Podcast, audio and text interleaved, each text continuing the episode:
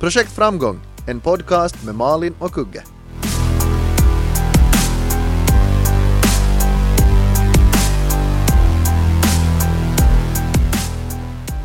Hej Malin!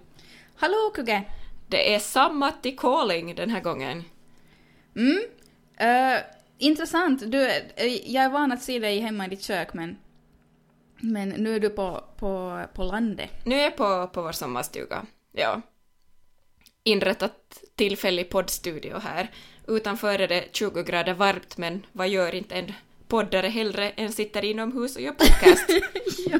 no, det är ju så det när vi ska få ihop våra scheman. Så eh, när det kommer en sån här ledig dag mitt i veckan så då måste vi nog passa på att podda. Ja, så är det. Uh, det här... Jag tänkte att jag skulle inleda med att ställa dig en fråga. Mm -hmm. uh, tror du att vem som helst kan bli framgångsrik genom att bara tro att en kan bli framgångsrik? Mm. Alltså, uh, i sak, jo, men alltså nu har du det beror ju på vad framgångsrik inom vad. Vad man än bestämmer sig för att göra. Vad man än bestämmer sig för. Det låter som någon sån här uh, coachnings, inspiratörs uh, väckelsemöte. Men mm. uh, ja, alltså nu, de säger ju det att, att om, man, om man bara siktar till månen så landar man i alla fall vid stjärnorna.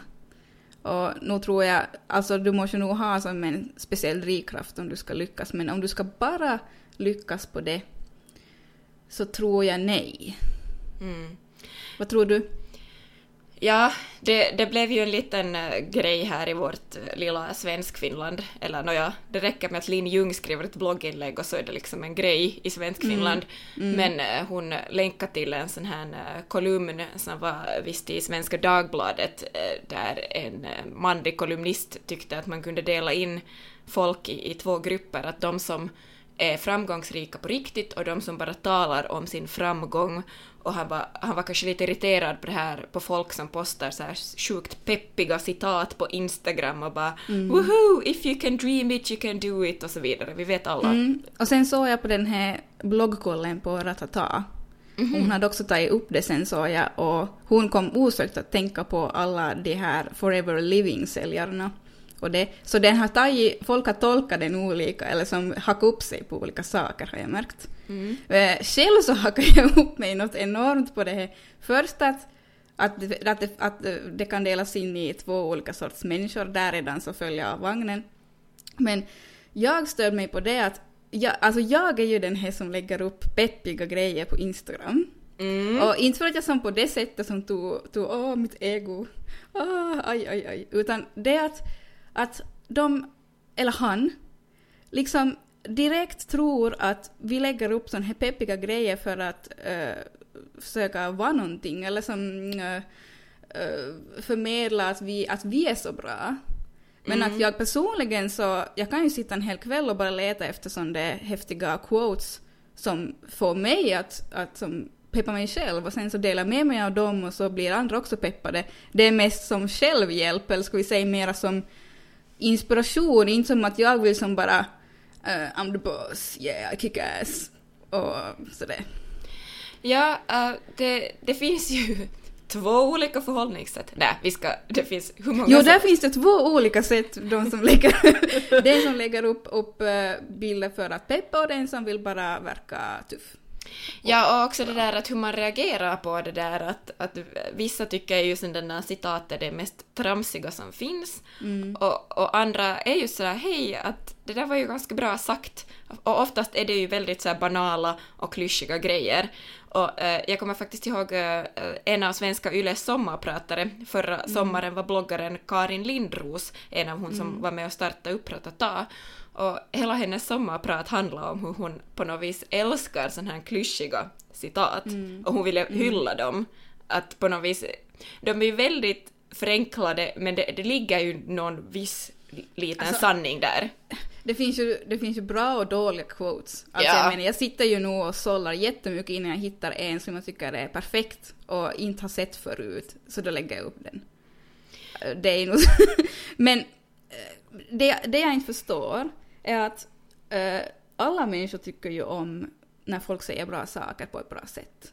Ja. Eller hur? Ja. Nu kan väl du säkert läsa en roman eller en bok och så tänker du åh gud det där var bra formulerat, jag, jag ska skriva ner det här. Och plötsligt har du gjort en quote. Och så lägger du lite blommor och så lägger du en fin font och så upp på Instagram och sen plötsligt har du blivit en tönt i den där processen.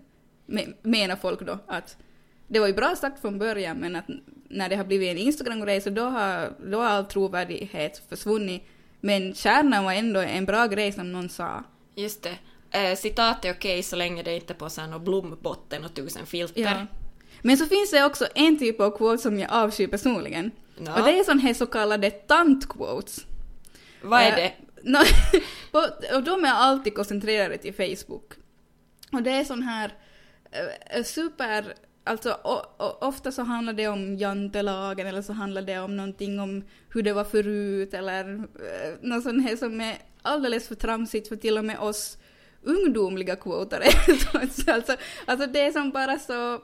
Oj nej, nu ska jag känner att jag borde ha research och ta fram en riktigt bra en. Men som, det är oftast är det någon tecknad tant med där eller någon liten karikatyr på någonting och så lite sådär klämkäckt. Mhm. Att de, de tycker jag inte om. De tycker jag är jättetöntiga. Just det. Ja, jag har absolut ingen åsikt nu i den här frågan. Men alltså, va- varför talar vi nu om de här citaten? Min tanke var eh, det här att, ehm, att lite, alltså vi har ju varit inne på det här med sociala medier och, och, och så, och hur man använder det i sitt företagande. Men på något vis, jag har jättemycket nu den här, speciellt den här våren, har jag jättemycket funderat på hur mycket tutar jag ut mig i diverse kanaler och när kommer folk att tröttna? För den här våren eh, har jag då startat en podd med dig, vilket jag är jätteglad över och tycker det är jätteroligt. Sen för någon vecka sedan så startade jag en Facebook-page för min blogg och det var någonting jag tänkte men herregud, ingen kommer ju att gilla det här och är det nu inte lite så hybris att göra en, en bloggsida? Jag menar, inte har jag nu så många läsare och la la la la. Och sen, jag menar, jag försöker ju sälja mina örhängen till var och varannan. Snart förhoppningsvis har jag romaner i bagage som jag hoppas att alla ska köpa. Jag menar, det känns ibland som att jag bara tråkar en massa saker på folk. Att jag bara vill att folk ska gilla och köpa och dela och vet du, hålla på. Eh, Men det där känns mycket värre för en själv än som det uppfattas. För att jag tror nog aldrig någon har fått höra att jag tycker att du gör lite för mycket reklam i sociala medier.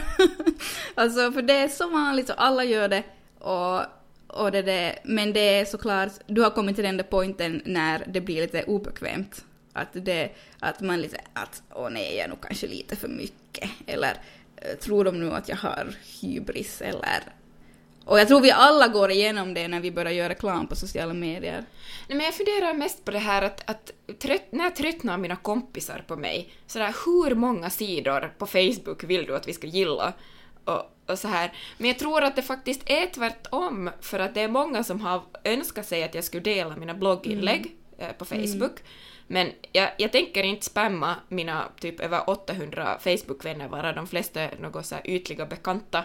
Så jag tänker inte spamma deras feed med mina nej, nej. Alltså du blogginlägg. gör det mera praktiskt och mera fokuserat på Ja. dina kanaler. Så, och det är ju det bästa med sociala medier idag, att de är ju mycket mer algoritmbaserade än tidigare. Att tidigare var man ju tvungen att läsa allt, men nu får man ju verkligen skräddarsy. Ja. Så att jag tror ingen hinner bli som för trött på någon. Och för att de kan ju bara gilla det mindre och så ser de inte lika mycket. Ja. Men äh, vet du vad? Men det händer med att trycka ut sig på sociala medier.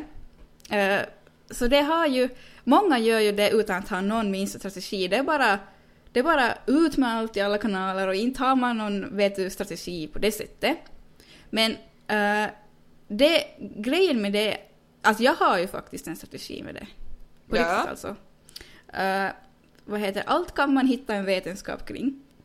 Och I början hade jag ingen strategi, men nu har jag som, jag hade ju visst en strategi för jag har ju prickat av dem alla. No, men det finns egentligen, vet du, en, två, tre, fyra, fem, sex, jag skrev upp sådana här grejer som man måste få ut när man har, alltså när man har en personlig service måste man ha en personlig marknadsföring också. Mm. Annars, annars funkar det inte. Och det är egentligen fem saker som man måste trycka ut. Och det är ett, passion. 2. Inspiration. 3. Ambition. 4. Förväntningar. 5. Kreativitet. Och 6. Mod. Och för att jag ska få ut alla de hennan känslorna i min marknadsföring så måste jag ha lite quotes för att hjälpa mig. så förstår du att jag måste visa att jag är en inspiratör och att jag har ambitioner. Och därför måste jag visa att uh, Boss Babe, det är ju någonting som finns på Instagram och Pinterest som är en sån där grej för kvinnliga entreprenörer, lite sådana kaxiga grejer. Och sen det att du har mod, då måste man ju visa med sån här, att, man, att man är ödmjuk men ändå kämpar på, vet du. Så därför är ju Instagram ovärderligt. Och quotesen hjälper mig faktiskt. Fast vissa kanske tycker jag är en tönt. Maybe. Får du fler gillare efter att du har postat en quote på Instagram?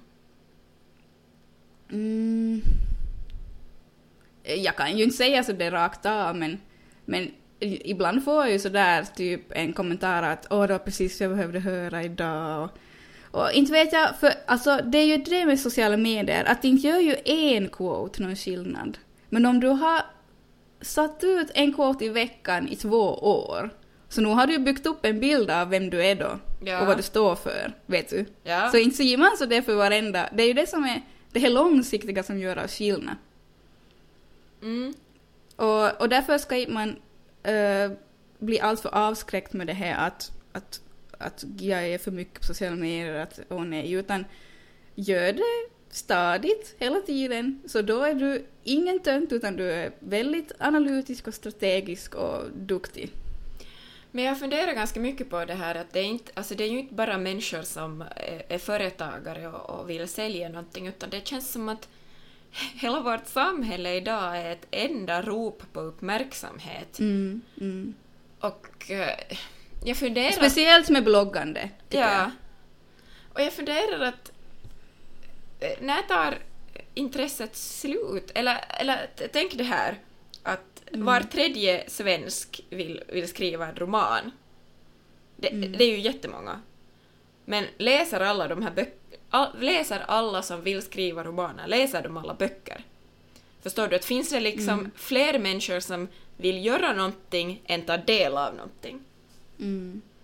Så, så det, det börjar jag fundera på, att finns det bara en massa människor som pumpar ut helt otroliga mängder eh, det ena och det tredje och, och, Men det finns ingen publik. Ja, Och ibland känns det som att jag bara eh, lägger ut mina grejer för att andra företag ska sno dem och göra det också.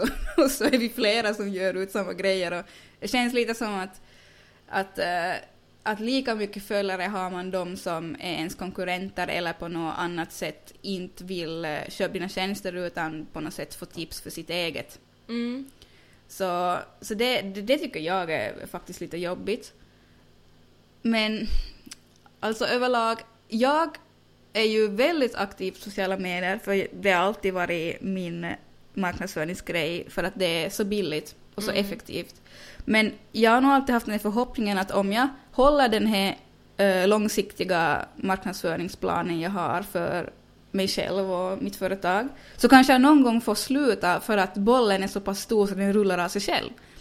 Och, och det menar jag till exempel, nu har jag ju haft en bloggkampanj hela veckan, eller den håller på den här veckan. Så jag har fått min, min blogg att, att skjuta i höjden något enormt bara för att jag har varit så noga med att verkligen satsa på marknadsföring den här veckan för att se vad som händer. Men då kan jag bli så sjukt störd när jag som kollar i listan att "Nå, vem är som före mig och varför är den personen före mig i den här bloggen? Och så går man in och kollar, de har inte skrivit något på två veckor.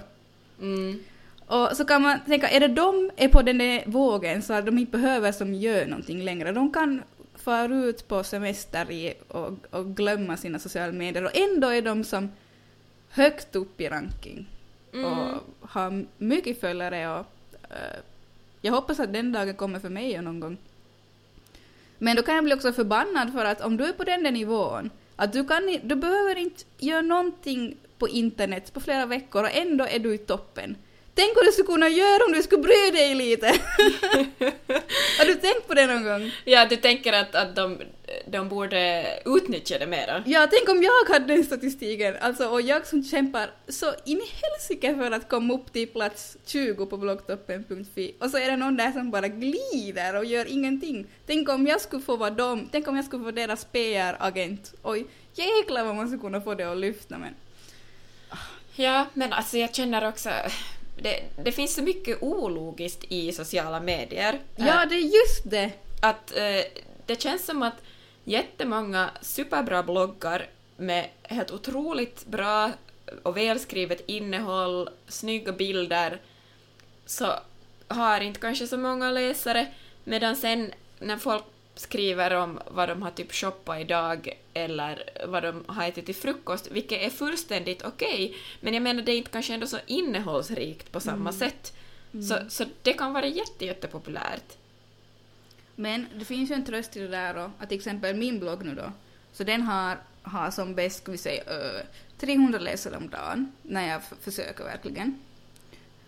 Så då, det, jag, jag är ingen stor bloggare med andra ord, men de som läser min blogg är faktiskt min kundklientell. Är det så? Jo, jo, för att jag säljer mycket via bloggen. Mm. Det kan jag ju se på statistik att nu får den in i shoppen, nu ser den får till kassan.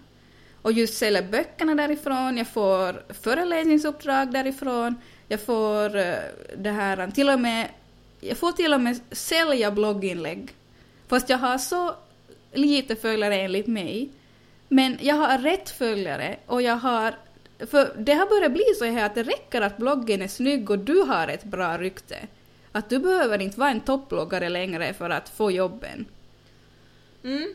Ja, och eh, jag tänker ju också det där att det är ju inte eh, det där kvantiteten utan kvaliteten på, på folk som kommer in. För jag kan tänka mig sådär att eh, sen när min roman blir publicerad på ett eller annat sätt, alltså min första, så eh, finns det garanterat eh, folk som vill köpa den för att de har varit inne på min blogg.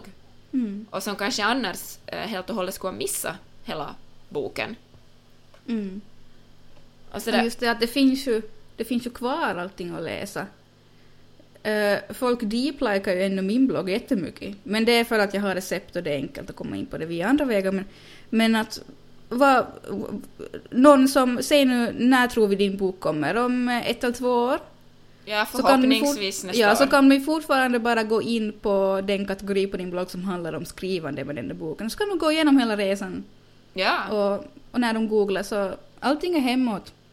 jo absolut. man måste tänka långsiktigt ändå, fast nu idag så är man ju så, så inne på det här kortsiktiga att jag kan ju bli tokig på att hela tiden refresha min statistik för att idag vill jag ha så här många så det och det är ju som ah, det är ju fel alltså. Det är ju det långsiktiga som gör all skillnad. Ja, alltså jag måste erkänna att jag förra veckan var inne i en sån här otroligt pinsam uh, bloggtoppen.fi uh, så här vet du, jag kedjerökte nästan den här informationen. Men det har ju jag också den här veckan Ja. för att jag, jag har så fokus på det just nu. Men jag blev, alltså jag insåg sen att, men nej nu. Mm. Att- Yes, då kommer föraktet. Ja, jag var sådär att på riktigt, det spelar absolut ingen roll och åh, alltså jag blev nästan så här illamående eh, på grund av mig själv att, att jag var sådär att det spelar, det, det är inte därför jag bloggar. Det, det är Nej. inte därför jag gör det. Jag, jag, klart att det är roligt om det är många som läser, men det är inte därför jag skriver min blogg. Faktiskt. Ja, alltså det blir en sån där reality check. Att eh, uh, nu lägger jag ju sjukt mycket energi på det med flit den här veckan, men annars så måste man nog tänka att, att ögonen på bollen, vad är det som är... Jag kanske borde lägga li, lika mycket energi på att skriva min bok som ska vara klar i augusti. Sitter jag här på bloggtoppen och refreshar, alltså va?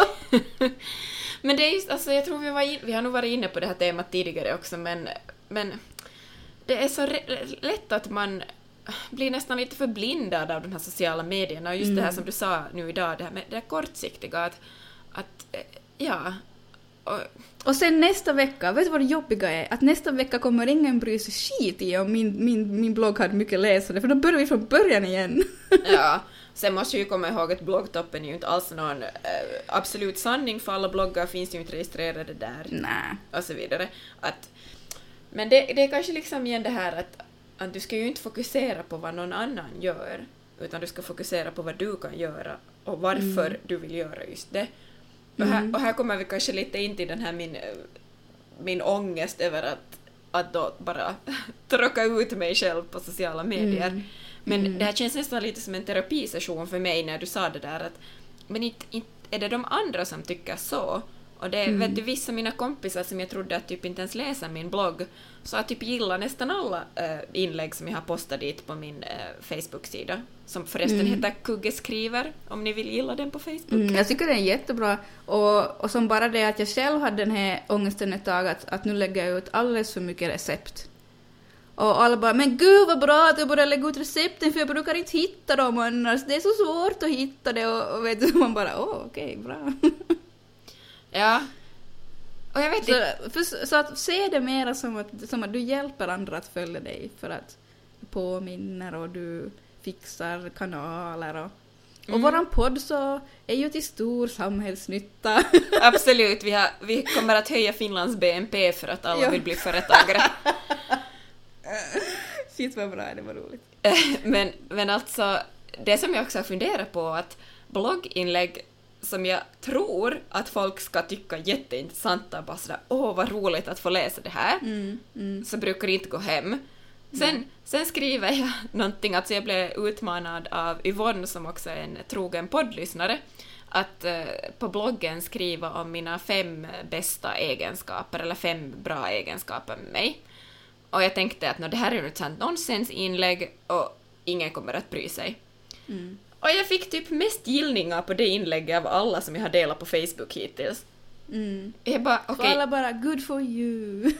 men jag bara, och så, och så, det är konstigt det vad folk är intresserade av. Nu har jag ju börjat bli mer uh, slipad på det där med min blogg. Att jag lägger ju, jag har en sån strategi att jag lägger ut olika inlägg i olika kanaler. Som till exempel en ganska enkel jämförelse, att på finlandssvenska bloggargruppen Facebook lägger jag nästan aldrig några recept, dit lägger jag bara sån här med personliga inlägg om Mm. mig själv och vad jag tycker och där, där, åt det hållet. Och sen samtidigt så lägger jag upp recepten på, på min Malins blogg.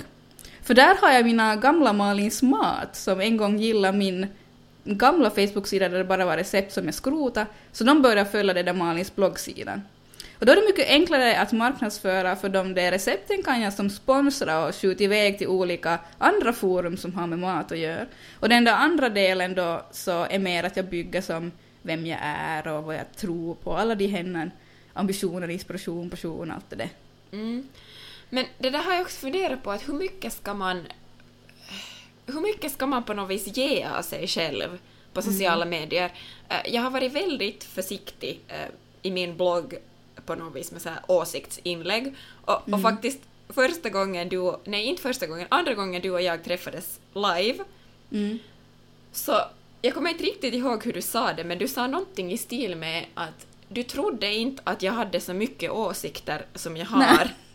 Att, att jag verkar... Men så är det alltid med jättemånga bloggare. Att jag verkar Äh. så snäll och, och lite nästan mjäkig och, och sen när vi träffades live och eh, det fanns ingen... Jag blev helt, jag blev helt som, jag var inte alls förberedd. alltså inte för att det skulle vara så. Jag menar som bara det att jag trodde att jag skulle som måste som vet du dra grejer ur dig och som vet du ge som eh, ta kommando för jag är så van att jag alltid måste ta kommando för att fastän inte jag vill så är det lite sådär men med dig så var det som ah skönt hon är ju sån här liksom uh, ska vi säga en doer! Ja, du är en doer, du är ju en kickass. Nej men alltså för att du har på bloggen eller, eller på, i sociala medier alltid så stöttande och schysst och, och vet du, jag hitt, vet du vad jag hittade min, min e-postinkorg eh, när jag städade Nå? häromdagen så hittade jag ett jätte, eh, ett, ett e-mail, en av de första e-mail du någonsin skickade till mig som, som var någonting, att jag hade säkert skrivit någonting på bloggen som var som jättedystert. Att, eh, att typ nu hoppar jag från bron jag orkar inte mer nu, nu riktigt, men vet du något sånt där riktigt Ja. dystert. Och så hade du skrivit åt mig ett brev där du försöker muntra upp mig. På riktigt? Ja, ett, jag tror att titeln var ett försök till uppmuntran och jag, jag måste riktigt som bara åh, när jag såg det. Men det var som direkt den bilden jag fick av dig, att du är som så, så lyhörd och stöttande och det är du men du är ju inte som så här mjäkig och, och som eh, lugn och stillsam som jag trodde du skulle vara, utan du är ju eh, jätte sådär go, go, go och, och är, är det någonting du ska ha fixat så har du gjort det igår. ja, men för att alltså, jag tror, det här har vi också talat om tidigare, att jag tror ju inte att vägen till framgång är att på något vis armbåga sig fram och vara äh, jävlig mot folk, utan alltså, och, och, folk kanske kan nu tro att det här är på något vis någon strategi eller att jag inte ska vara genuin, men jag är verkligen, alltså jag tycker att mm. det... Jag tycker men du att, bara, du, du har inte visat den där andra sidan av det, utan du har egentligen bara visat den där väldigt stöttande och uppmuntrande och positiva sidan av dig. Mm. Fastän alla, ingen människa är ju det uh, du skulle ju ha råd att lite också komma med några åsikter, men å andra sidan har du ju fått det här i podden. Och... Ja, att, men jag skulle nog kanske vara, kunna vara lite mer arg feminist i min... Mm, inte vet om du skulle behöva vara arg, men du skulle få ifrågasätta grejer också. Och inte bara hylla grejer. Vet du vad jag ja, menar? Ja, jag förstår. Men det här är också, eh, jag måste ju erkänna, jag sa det ju till dig också då, att det, det var ju lite av ett medvetet val att jag hade hållit på åsikterna borta från bloggen. Mm. Och ibland så tycker jag ju att vissa bloggare kanske bara smäller till med någon sjukt kontroversiell åsikt bara för att. Och det tycker mm. jag också är ja. lite, eller det känns jätteonaturligt för mig. Men, men alltså, ja, men det här handlar ju just om att vilken bild man vill bygga upp och jag, jag tror att eh, speciellt alltså om jag ska bli en publicerad författare, så författare är ju ofta kanske, okej okay, om jag skriver skickligt så är det kanske ingen som frågar mig om min åsikt i vissa politiska frågor eller samhällsfrågor, men ofta är ju författare ändå en del av på något vis den här samhällsdiskussionen och har, kan ha en ganska tung röst i den diskussionen. Mm. Mm. Och om jag ska ha någon chans att bli någon sånt så måste jag ju börja visa framfötterna på bloggen. Alltså, jag tror det bästa sättet att göra det är så här. Om vi tar dig som exempel nu. Att om, eh, om fem år, när du är den där författaren på riktigt, inte som bara den som ska bli författare, utan du är det, och vad du står för och vilken typ av person du är och hur du vill bli uppfattad som så skulle du egentligen redan nu behöva lägga texter som går hand i hand med det uttrycket redan nu och bygga upp dig, för sen kommer det att göra att du blir det sen. Vet mm, du? Jag förstår. Allt, allt tar tid. Och lite som ja. du sa, att det där att om du postar en, ett citat i veckan och du har gjort det i typ två år, så då har du ju mm. postat hundra citat. Som att, vet du vad jag har upptäckt att uh, mitt sätt att framhäva mig själv har fått sådana kommentarer att de tycker att jag är cool. Att jag är cool! Alltså, varifrån? Ja, för att det är nog inte ett ord som jag försöker som få... Jag, jag vill, nej, alltså så det är roligt hur det som liksom... Många gånger måste man ju som tänka efter att hur kommer det här att uppfattas egentligen? Så nu är jag tydligen cool. Så, så, det, så det, jag vet inte hur det går ihop med det att vara energisk. Men när folk beskriver, äh, lägger en länk till mig, det här, jag var till Malin, hon är så cool. Jag börjar som märka som bara, mm -hmm, vad, vad, säger det då om mig? Är det bra eller dåligt eller är det en komplimang eller inte? Och, jag tycker absolut att det är en komplimang och också, jag vet Men inte. vad menar de? Menar de som att, att man är du är en sån där som verkställer och, och det var ju också ja. en av de här, eller Linn Ljung tog upp det i sitt blogginlägg, att det är kanske lite tröttsamt med folk som vet du ska göra precis allting. Mm, och, och mm. ibland så känner jag också att folk kan bli trötta på mig för att jag är den där som jag, jag skriver lite romaner och så gör jag lite podcast och så skriver jag lite mm. blogg och så jobbar jag lite mm. frilans på det här och det här och sen ska jag mm. spela lite handboll och springa nice tänkimpia vet du la Men vet du vad? Jag tror att alla människor är så men alla berättar inte. Nej, det är säkert. Och då är det för att du berättar det så är det så störande! och sen dessutom så ja, alla människor tycker ju inte heller om att hålla på med tusen olika saker. Det, det, har vi också pratat om. Att, att jag menar, vissa människor tycker att det är skönt att ligga i soffan och läsa böcker och det är ju hur bra som helst. Men du och mm. jag, vi är, vi är också såna, men vi vill också göra en massa andra grejer. För att det är ju så jag fungerar. Ju mer jag har att göra, så desto uh, på något vis bättre mår jag nästan oftast. Ja. Alltså det finns ju en viss gräns. Men, men alltså ändå. Om, om, man vill ha, om man vill ha de, de uppdrag som eh, är mera, ska vi säga, äventyrliga, kreativa, eh, häftiga jobben, då kan man ju inte vara en tråkig person på sociala medier. Mm. Så att allting måste ju som gå hand i hand med hur du, hur du bygger upp ditt, din sociala medier och va- vart du vill komma. Liksom. Ja, Om, om, jag vill, om jag vill vara en ass, så då ska jag bara hela tiden ta, ta, ta bilder på när jag ligger i sängen, hashtag making money while I sleep. Eller om jag, vill, jag menar, jag skulle kunna, om jag skulle vilja skulle jag kunna vara riktigt dryg. Men då skulle jag ju aldrig få de jobben som jag vill ha, utan då skulle jag få vara ensam i min firma och jag skulle bara mindre och mindre synas, så till sist så skulle jag bara sitta och koda min webbshop och ingen skulle veta vem jag är till sist. Den vägen skulle det gå då. mm, och det är egentligen ganska få människor som jag uppfattar som dryga på sociala medier. Alltså de som jag nu följer, det är mest alltså kanske då finlandssvenskar och, och en del svenskar och sådär. Men ta nu till exempel underbara Klara som ett exempel. Du var ju och hörde på hennes eh, föreläsning eh, i, i Vasa här för någon vecka sedan. Och folk uppfattar ju henne garanterat som väldigt framgångsrik och hon eh, postar ju alldeles fantastiska bilder på Instagram och sådär. Inte, inte skulle jag säga att hon på något vis... Ja, hon inte... Hon, har känns en tillrättalagd bild samtidigt som hon har starka åsikter. Ja, hon, hon och det är en känns... rolig mix. Men vet du vad jag alltid blir så lättad över Ja. när man ser kändisar live? Att de är precis som oss. Alltså, eh, jag hade en bild av henne från sociala medier att hon är ganska sådär tuff eh, och som eh, ganska sådär rak och... Men alltså hon var ju precis som... Alltså, en he, alltså mjuk, snäll, härlig. Inte var hon alls sån så det är bitsk som jag skulle ha kanske trott. Och det sa de ju också där i början av, av den här föreläsningen så frågade den här forskaren Anna-Karin Nyberg som var med där så, så frågade att, att vad tycker ni om underbara Klara innan hon kom in? Att, blir ni lite rädda eller blir ni lite obekväma? Och ingen vågar ju räcka upp handen förstås. Men jag skulle nog ha lite velat, jo lite. Lite rädd. lite rädd är jag nog. Uh, så det, men att Eh, helt vanliga människor och, och jag var också lite lättad över att, att hennes kläder kanske inte satt lika bra på henne som de gör på, på, på Instagram för att jag alltid som försöker köpa hennes kläder och så bara men hur kan hon se så snygg ut i det här? Jag tycker jag ser ut som en korv när jag sätter kjolen så högt upp och, och så såg jag att hon har exakt samma kropp som mig så hon har säkert bara vet du vet du, som bara sta- stageade när hon har tagit foto, att, inte har hon på sig det där till vardags, det är bara när hon knäpper en bild. Eller något. Inte vet jag. Ja, och jag vet inte, det är så lätt att just visa den här ytan på, på bloggen och på Insta och var som helst. Men nu- kom jag faktiskt på en till grej och det är att, för att ta en liten sån här feministisk vinkling på det här, att, Mhm. att är det så att folk lättare reagerar på om det är kvinnor som tråkar ut sig själv på sociala medier än om det är män? Att, att känns det som att fast en kvinna och en man skulle ha lika mycket eh, så här, output på sociala Mm. medier så känns det som att den här kvinnan ändå är lite aggressivare än den här mannen. Mm. Jag försöker tänka på vilka typer jag följer. Mm.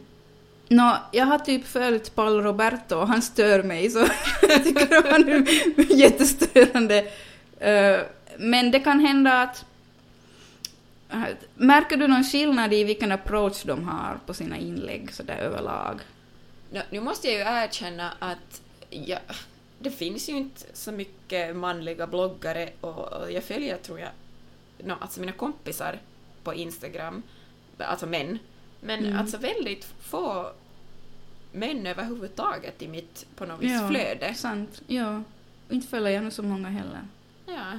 Men det här hade ju också diskuterats visst där under föreläsningen, eller äh, Linn Ljung som hade modererat den där föreläsningen med underbara Klara och den här Anna-Karin.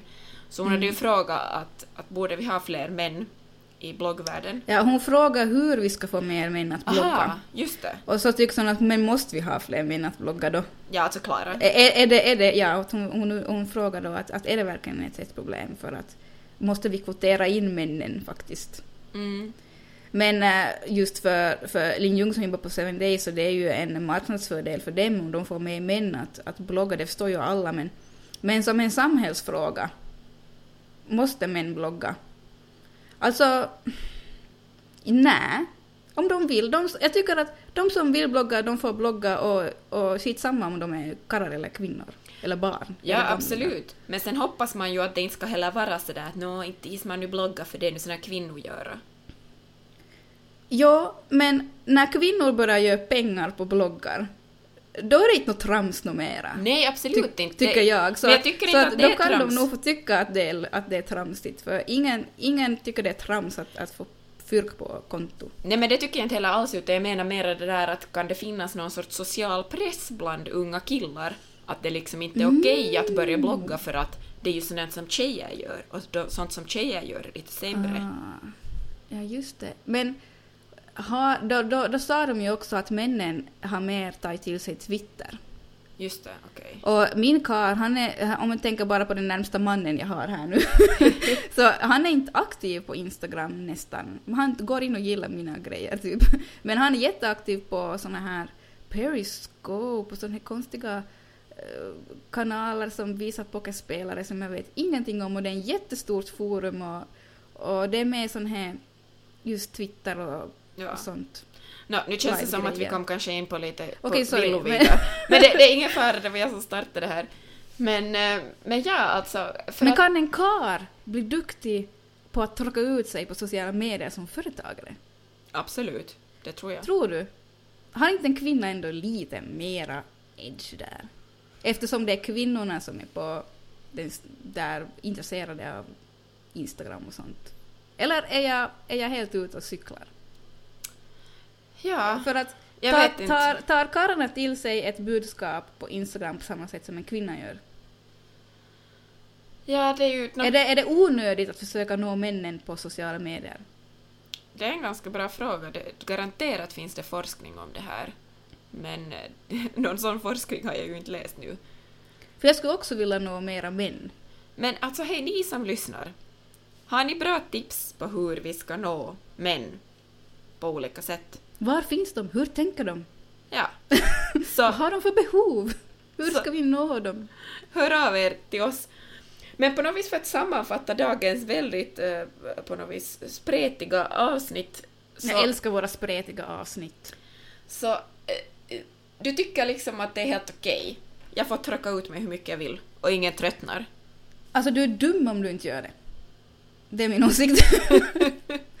För det är billigt, det är satans så effektivt om du sköter dina kort väl.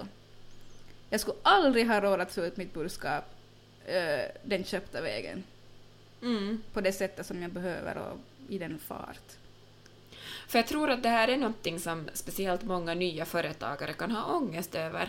Att, att nå, hur mycket text jag nu lägga ut och hur mycket text jag nu hålla på vet du, bjuda in mina vänner och hur mycket text jag laddar upp bilder på Instagram på min produkt eller på vad jag nu än gör. Mm. Men Nej, alltså eh, folk kommer tvärtom att tycka att du är riktigt tönt om du inte förstår att göra det, skulle jag säga. mm, så jag har varit en riktig tönt. Nej men, eh, vad ska jag säga, vad är, vad är ditt mål med det som du tråkar ut då? Du måste ju först klura ut vad det är. Ja, jag vill ju sälja fler örhängen och så hoppas jag att sen när det blir böcker så att folk köper dem också. Så du bygger ditt brand. Ja, Mm. Och det är bara att köra hårt på det då. Och lägga ut någon quote, herregud. Nej jag skojar. Men hej, du skulle borde lägga ut dina egna quotes och dina texter. Och sen blir du, sen blir du stor och blir en stjärna som alla repostar dina, vet du, citat. no, för att Så, så syns det där en sån där hashtag kuggeskriver. För att kunna göra det måste man ju skriva fantastiska quotes först. Nå har du säkert någon på lager. Jag kan, vet du, skicka över ditt manus så ska jag nog hitta jättebra quotes. Du sträcker under allt som är bra. Ja. Ja. Ja. Nej men alltså man måste ju, alltså man måste ha den här inställningen att det är kul, att det är lite, lite spännande och just försök ha några sådana olika strategier så blir det lite, så känns det inte lika mycket som att du, för mig känns det lite stoltare för att jag har en strategi bakom och jag vet vad jag håller på med än att jag bara håller på vet du, och delar och lalalala, bara för att. Ja, men för det är nog absolut. inte bara för att. Och, och just det där att, att folk, det finns folk som lägger ut quotes för att de vill vara till hjälp för andra och för sig själv, inte för att bara vara jobbig och ha pekpinnar. Och kick-ass. Ja, kick-ass. Och vad betyder det egentligen det kick-ass? Jag vet inte. Jag är inte för cool för att kunna sån här terminologi.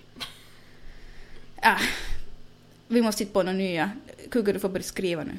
Mm, så är det. Ja, någonting mer kredit. Absolut. Som är old school sen vid det skede det kommer ut om tusen år. För Ja. att bokbranschen är så långsam.